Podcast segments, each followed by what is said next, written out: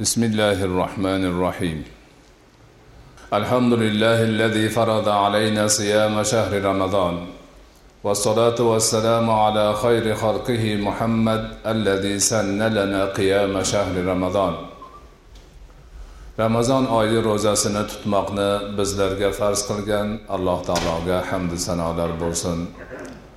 Ramazon oyi kechalarini bedor o'tkazmoqni bizlarga sunnat qilgan rasuli akram muhammad mustafoga salovatu durudlar bo'lsin. Assalomu alaykum va rahmatullohi va barakatuh. Ruhiy tarbiya borasidagi suhbatlarimizni davom ettirar ekanmiz. Bu suhbatlarimiz ruhiy tarbiyaning uchinchi qismi xulqlanish bobiga mansub ekanligini takror takror aytyapmiz.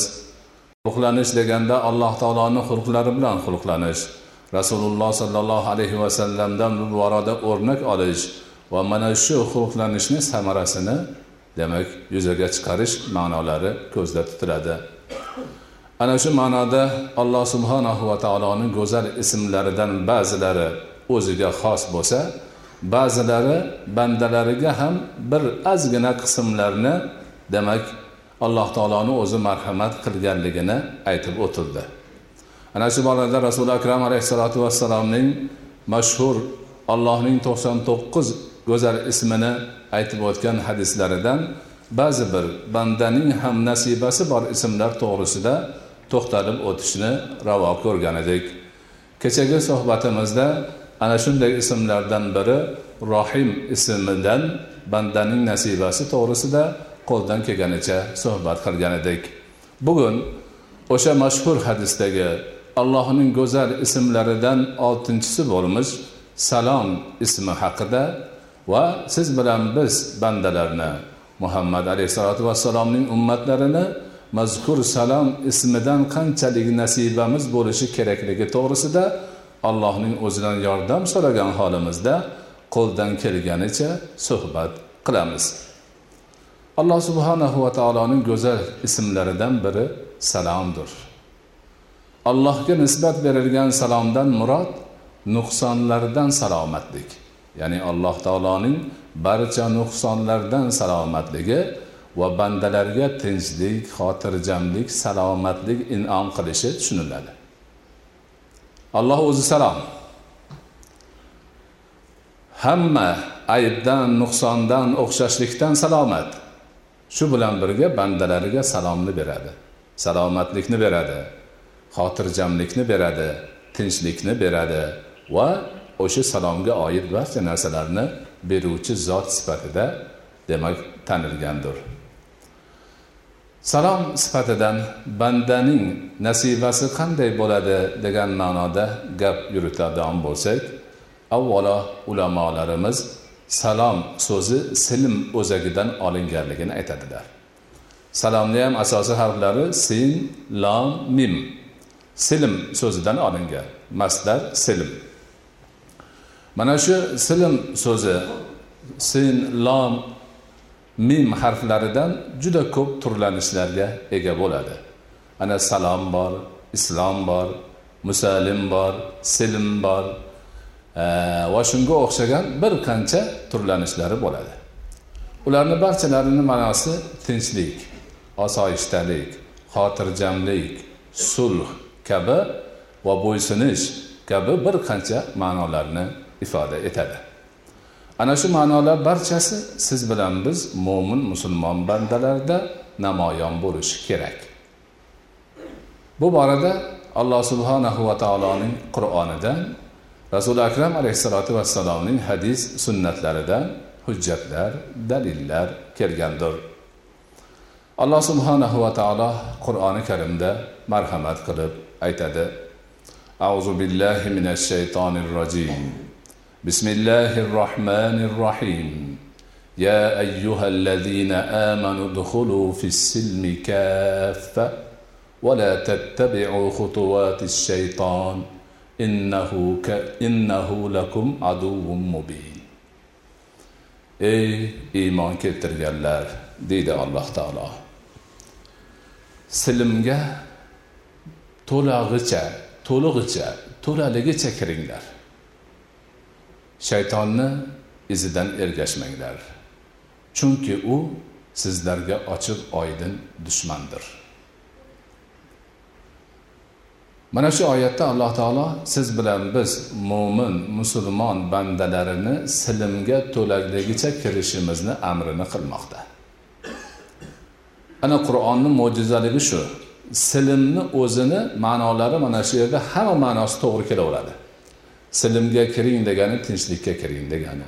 Silimga kiring degani islomga kiring degani. Silimga kiring degani taslim bo'lishga kiring degani. Silimga kiring degani sulhga kiring degani. Silimga kiring degani salomatlikka kiring degani. Hammasi kelaveradi. Mana shu bitta so'z hammasini ifoda etaveradi. Qancha qo'shaman desangiz qo'shilaveradi. Qur'onni buyukligi shunda. Qur'onni mo'jizaligi shunda. Qur'onni hamma narsani ifoda etishda qisqa iboralarni ishlatganligi shunda mana shu bitta so'z hammasiga kelaveradi misol uchun ana shu ma'nolardan bittasi tinchlikni olaylik.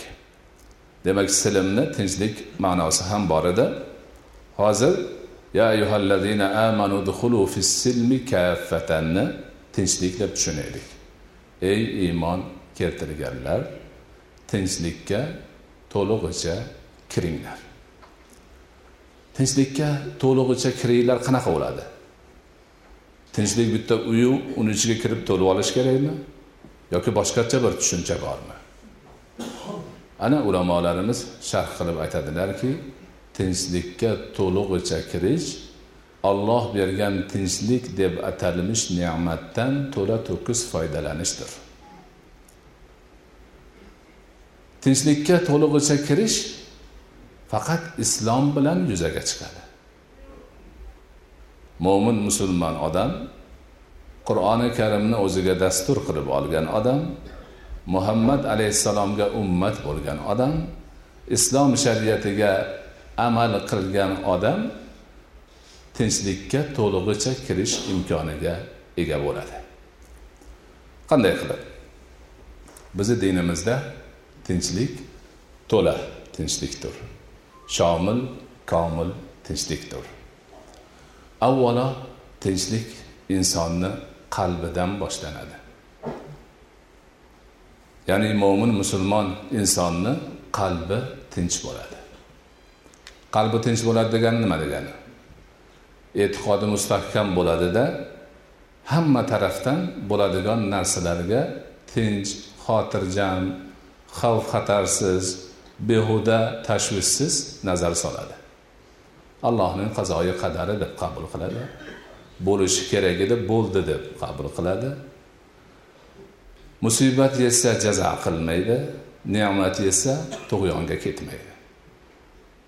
Qalbi tinch sokin qo'rquv xavf xatar porakandalik yo'q.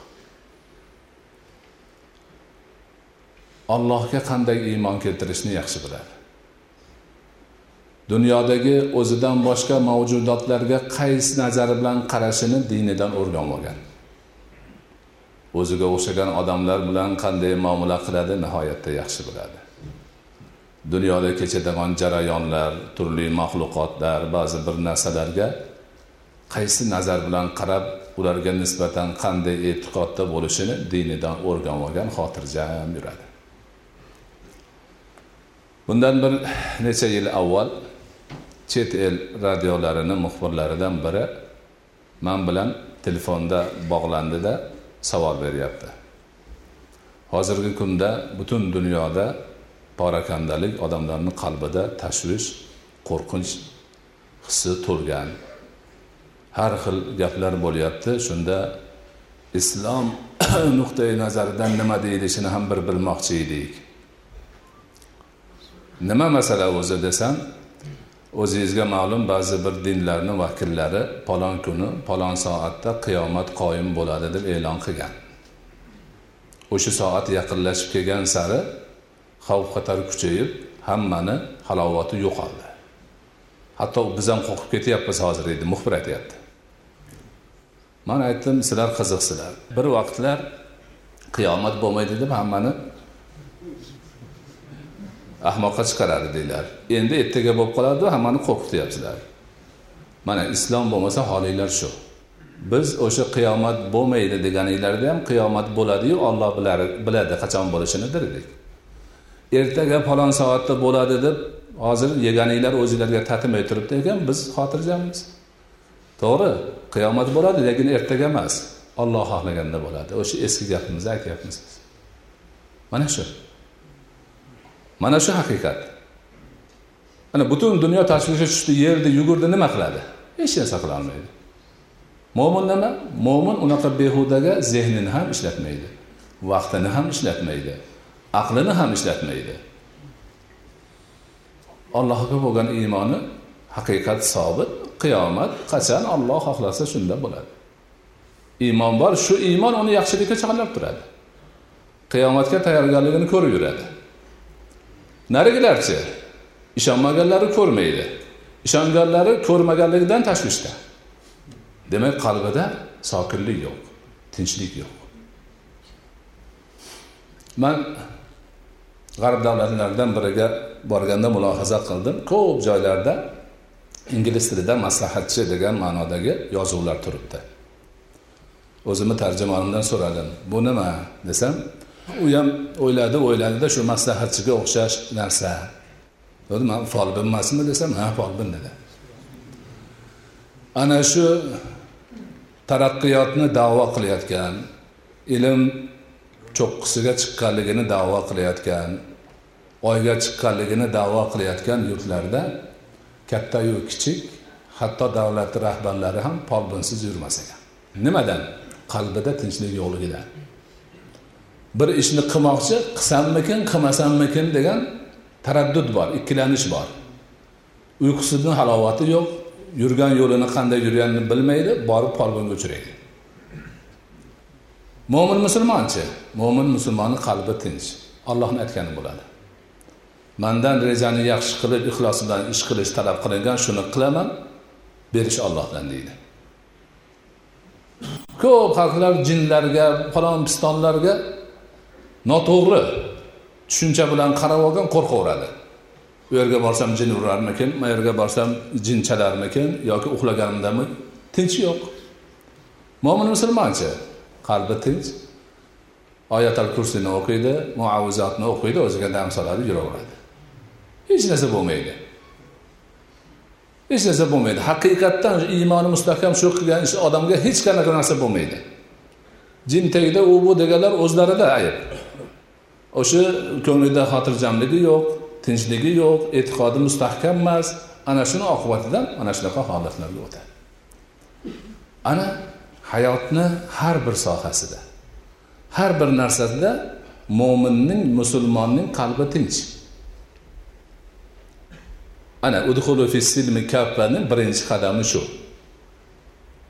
Tinchlikka to'liqligicha kirishni birinchi qadami har bir insonning qalbi tinch bo'ladi.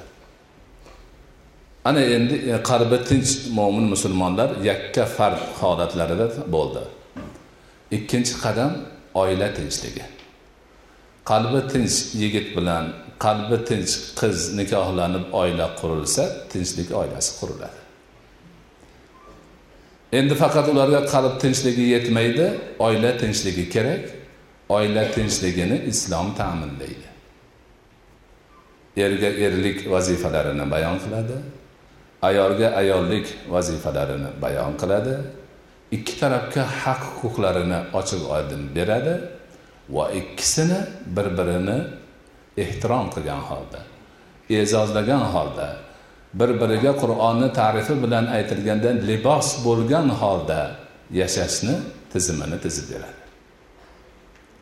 Urushga janjalga bir birini haqoratlashga mo'min musulmon oilada o'rin yo'q. Tinchlik va faqat tinchlik. Oilaning har bir a'zosi oilaning tinchligi uchun mustahkam va baquvvat kurashchi. Oilada tinchlikni buzilishiga qarshi turadi. Buning uchun oila to'g'risidagi islom ta'limotlari to'la to'kis bor.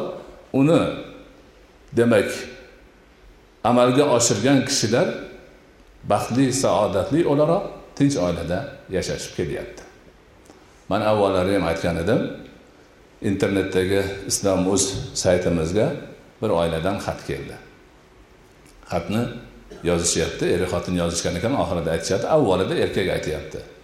Bizni oilamiz buzilish arafasida edi. Buzilish chora tadbirini ko'rishga kirishgan edik. Birdaniga sizlarni bu sahifalaringizni ko'rib qoldim. Oila to'g'risida ma'lumotlarni o'qib mulohaza qilib chiqsam man musulmon emas ekanman. O'zimga o'zim nasihat qildimda shu yerda o'qiganlarimni oilaga tadbiq qilishni boshladim.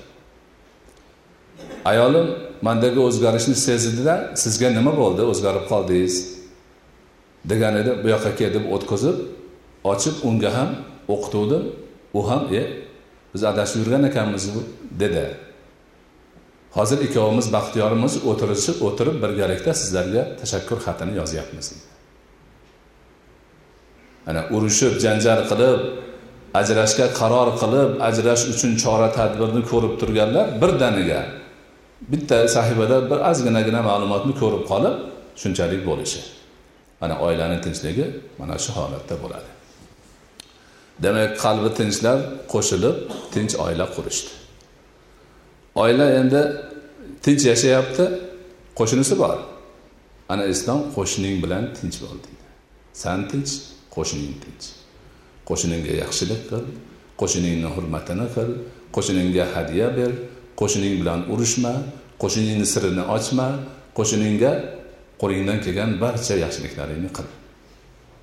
Rasuli akram alayhissalotu vassalom aytadilarki jabroil manga qo'shini haqida shuncha tavsiyalar qildiki borib borib merosxorim bo'lib qolarmikin qo'shinim deb o'yladim deydilar. Endi haligi tinch oila yonidagi oilani ular ham tinch edi aloqasini yaxshilab ikkita tinch qo'shini yuzaga keldi. Endi narigi tarafda ham qo'shni bor bu tarafda ham bor. Ular ham bo'ladi. Shunday bo'lib qo'ni qo'shnilarni tinchligi mahallaga tarqaladi. Tinch qalblarni egalaridan qurilgan tinch oilalarni birlashishi tinch mahallani vujudga keltiradi. Qarindosh urug'lar bilan aloqalar tinchlik asosida bo'lishi bizni dinimizni buyuk haqiqatlaridan biri. Qarindosh kim bo'lishidan qat'iy nazar. Sanga zulm qilib turibdimi? Boshqa dinga kirib turibdimi? Yoki bir balolarni qilib turibdimi? Baribir qarindoshlik haqqi bor qilishing kerak. Ana endi qarindoshlar ham tinch bo'ldi. Qalblar tinch oilalar tinch mahallalar tinch qarindoshlar tinch endi nohiyalar tinch. Nohiyalarni qo'shilishidan qishloq shaharlar tinch. Qishloq shaharlarni qo'shilishidan el yurt vatanlar tinch. Ularni qo'shilishidan butun dunyo tinch. Ana islom silimga kirishga to'lig'icha bo'lishini buyurishda mana shuni ko'zda tutgan. Bu tinchlik faqat inson olami emas hayvon olami nabotot olami jamodat olami bilan ham tinchlik sulhi bor inson o'rtasida musulmon inson o'rtasida. Ana alloh subhanahu va taolo mazkur oyatda udhulu fi silmi kafatan deganda mana shuni nazarda tutgan.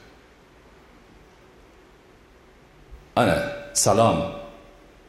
Allohning salom ismini biz o'zimizga oladigan nasibasi bir tarafi shundan iborat. Endi avvalda aytildiki silmni ma'nosi islom. Ey iymon keltirganlar islomga to'laligicha kiring. Demak butun vujudingiz bilan kiring. Islomni to'la amalini qilishga harakat qiling. Bu nima bo'ladi? Bu bu dunyoyu oxiratning baxti bo'ladi saodati bo'ladi. Ana siz bilan biz ojiz bandalarni alloh subhanahu va taoloning salom deb atalmish ismidan bir juzgina ozginagina oladigan nasibamiz islom ma'nosida mana shunday bo'ladi. Silmni taslim bo'lish bo'ysunish demak bo'ysunishga to'laligicha kiringlar. Allohni amriga bo'ysunishga shariatni hukmiga bo'ysunishga rasulullohni sunnatlariga bo'ysunishga. Va shunga o'xshagan demak e, silm so'zini ma'nolarini bu oyatga xohlaganimizcha qo'yib demak o'zimizga manfaat xayr barakani jalb qilib olish imkonimiz bo'ladi. Shuningdek qur'oni karimni boshqa oyatlarida yana marhamat qilib qur'oni karimni o'zini vasf qilgan oyatlarda alloh taolo aytadiki yahdi bihillahu من اتبع رضوانه سبل salam va yukhrijuhum الظلمات zulumati ilan nur va yahdihim ila mustaqim. Qur'on ila Alloh o'zining roziligini istagan bandalarini tinchlik yo'llariga hidoyat qilib qo'yadi. Tinchlik yo'llariga hidoyat qilib qo'yadi. Ularni zulmatlardan nurga chiqaradi. Va siroti mustaqimga yo'llab qo'yadi. Ana qur'oni karimni insoniyat uchun beradigan hidoyatlaridan eng buyugi ularni salom tinchlik yo'llariga yo'llab qo'yishi ekan bosh hidoyat. Hamma tarafdan haligi aytgan umumiy shomil tinchlik. Ana shu tinchlik tufayli qur'on o'z ta'limotlari ila insoniyatni zulmatlardan nurga chiqaradi. Turli adashuvlardan islom nuriga chiqaradi. Turli xatolardan zulmatlardan hammasidan yagona islomni nuriga qur'on chiqaradi. Va to'g'ri yo'l siroti mustaqimga ham qur'on boshlaydi. Salom tinchlik ma'nosi kimdan bo'lsa ham qabul qilish kerakligi ham islomni buyuk ta'limotlaridan biri hisoblanadi. Bu borada alloh taolo aytadiki agar dushmanlaring tinchlikka moyil bo'lsa san ham moyil bo'l. Birov o'zi dushmanlik qildi tajovuz qildi urush boshladi zulm qilib turibdiyu keyin kuchi yetmay qoldimi nima qilsa qildi? Kelinglar endi tinchlikka o'taylik desa ho'p deyiladi deyapti. Bir guruh sahoba ikromlar so'zlashib o'tirganida huzurlaridan bir bani salim qabilasiga mansub kishi qo'ylarini haydab o'tib qoldi sahobalarni yaqinlariga kelganda assalomu alaykum dedi salom berdi. Ular bir birlariga bu o'zi musulmon emas lekin bizni ko'rib hozir qo'rqib ketdida salom berdi deb borib haligi odamni o'ldirishib qo'yini haydab rasulullohni huzurlariga borganlarida alloh taolo ularni itob qilib oyat tushirdi.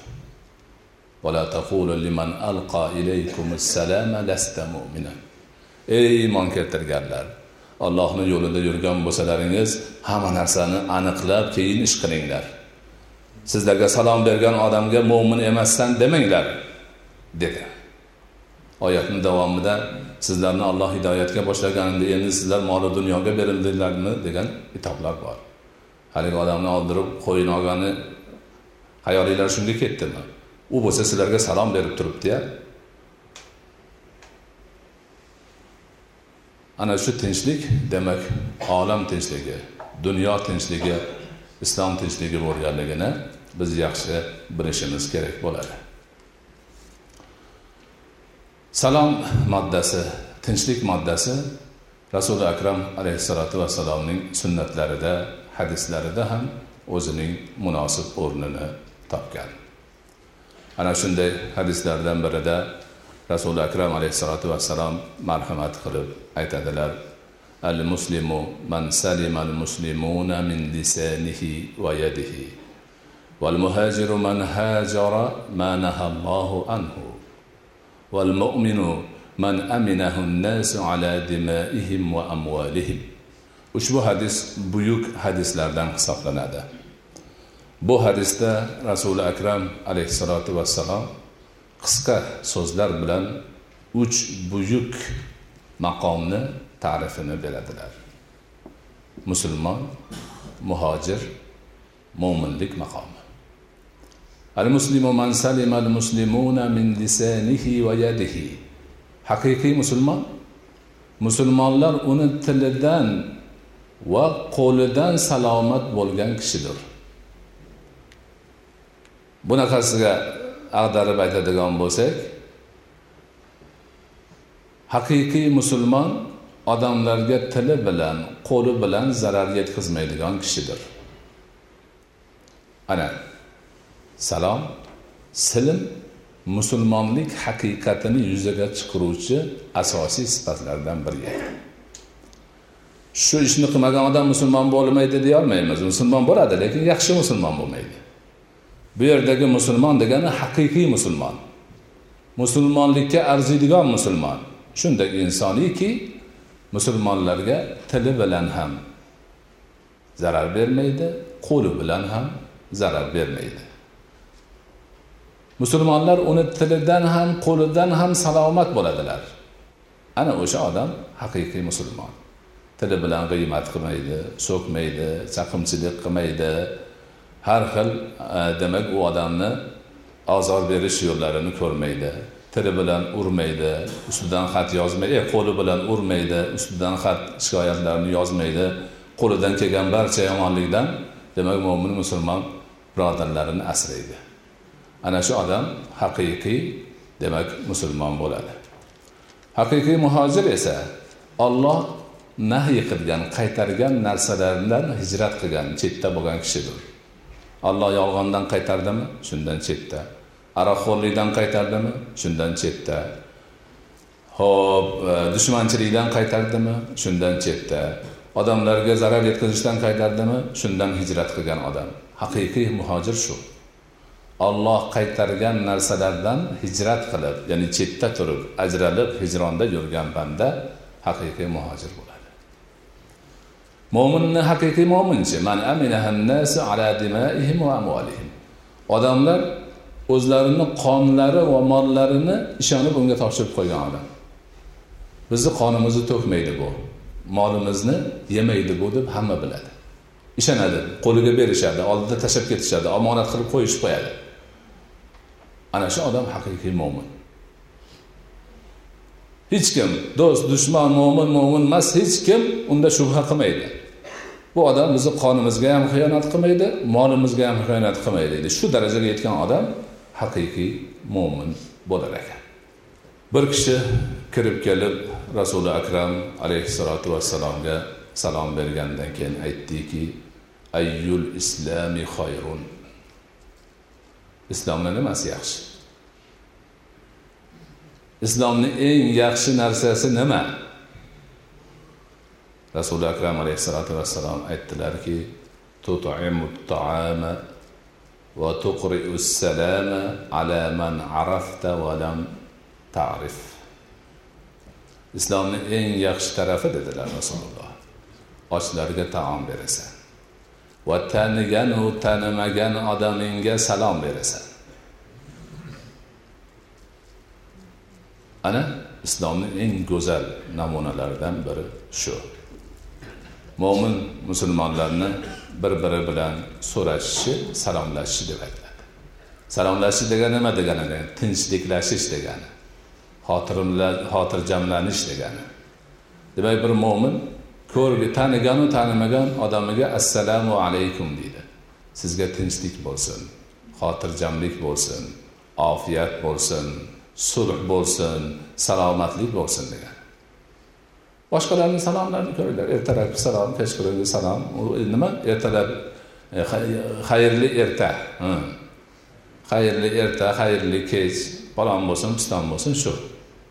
Lekin bizni salomimiz haqiqiy salom. Bir odamni tanimaydi ko'rgani yo'q. Birinchi marta ko'ryaptiki tinchlik sizga. Allohning rahmati sizga. Allohning barakati sizga. Mani his tuyg'ularim sizga. Salomatlikni sizga tilayman. Hamma yaxshiliklarni shu assalomu alaykum o'z ichiga olgan. Biz namozimizdan chiqishda ham salom beramiz. Eng buyuk ibodatdan ham salom bilan chiqamiz. Yonimizda odam bo'lsa odamga bo'lmasa farishtaga salom beramiz.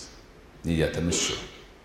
Biz namozimizni oxirida duo qabul bo'ladigan bir paytda attahiyotini o'qiganda ham assalomu alayka ayyuhan nabiyyu va rahmatullohi va barakatuh. Assalomu alayna va ala ibadillahi solihin deymiz. Odob shuki birov hech kim yo'q uyga kirdi. Kirdi hech kim yo'q quruq uy. Shunda ham assalomu alayna deydi. Va ala ibadillahi solihin ana tinchlik ma'nosi bizni dinimizda.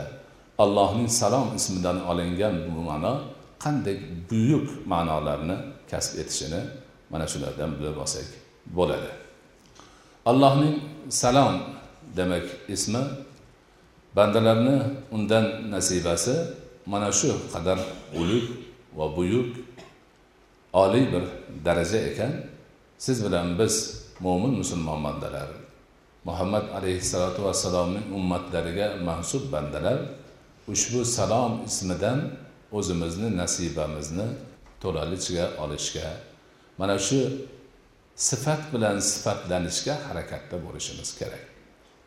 Buning uchun doimo ollohni ismi salom ekanligi olloh o'zi salom ekanligini unutmasligimiz kerak. Shu bilan birga ollohning jannatining ismlaridan biri ham dorissalam qur'onda kelgan bu.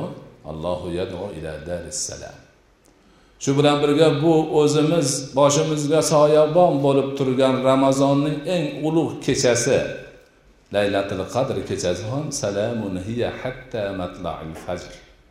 Tong otguncha salom kechasi tinchlik kechasi xayr kechasi salomatlik kechasi baxt kechasi saodat kechasi. Hamma tarafdan salom bor. Ana shu haqiqatni biz doim yodda tutishimiz. Rasuli akram alayhissalotu vassalomni bu xulqdan qanday xulqlanganlariyu uni bizga qanday o'rnak qilib ko'rsatganlarini yaxshi o'zlashtirib olishimiz va shu bilan birga mana shu xulqni o'zimizda mujassam bo'lib doimiy bir maqomga aylanish uchun harakatda bo'lishimiz kerak bo'ladi. Alloh subhanahu va taolo barchalarimizni o'zining salom sifatidan yaxshi bir nasibador bo'lishimizni nasib etgan bo'lsin.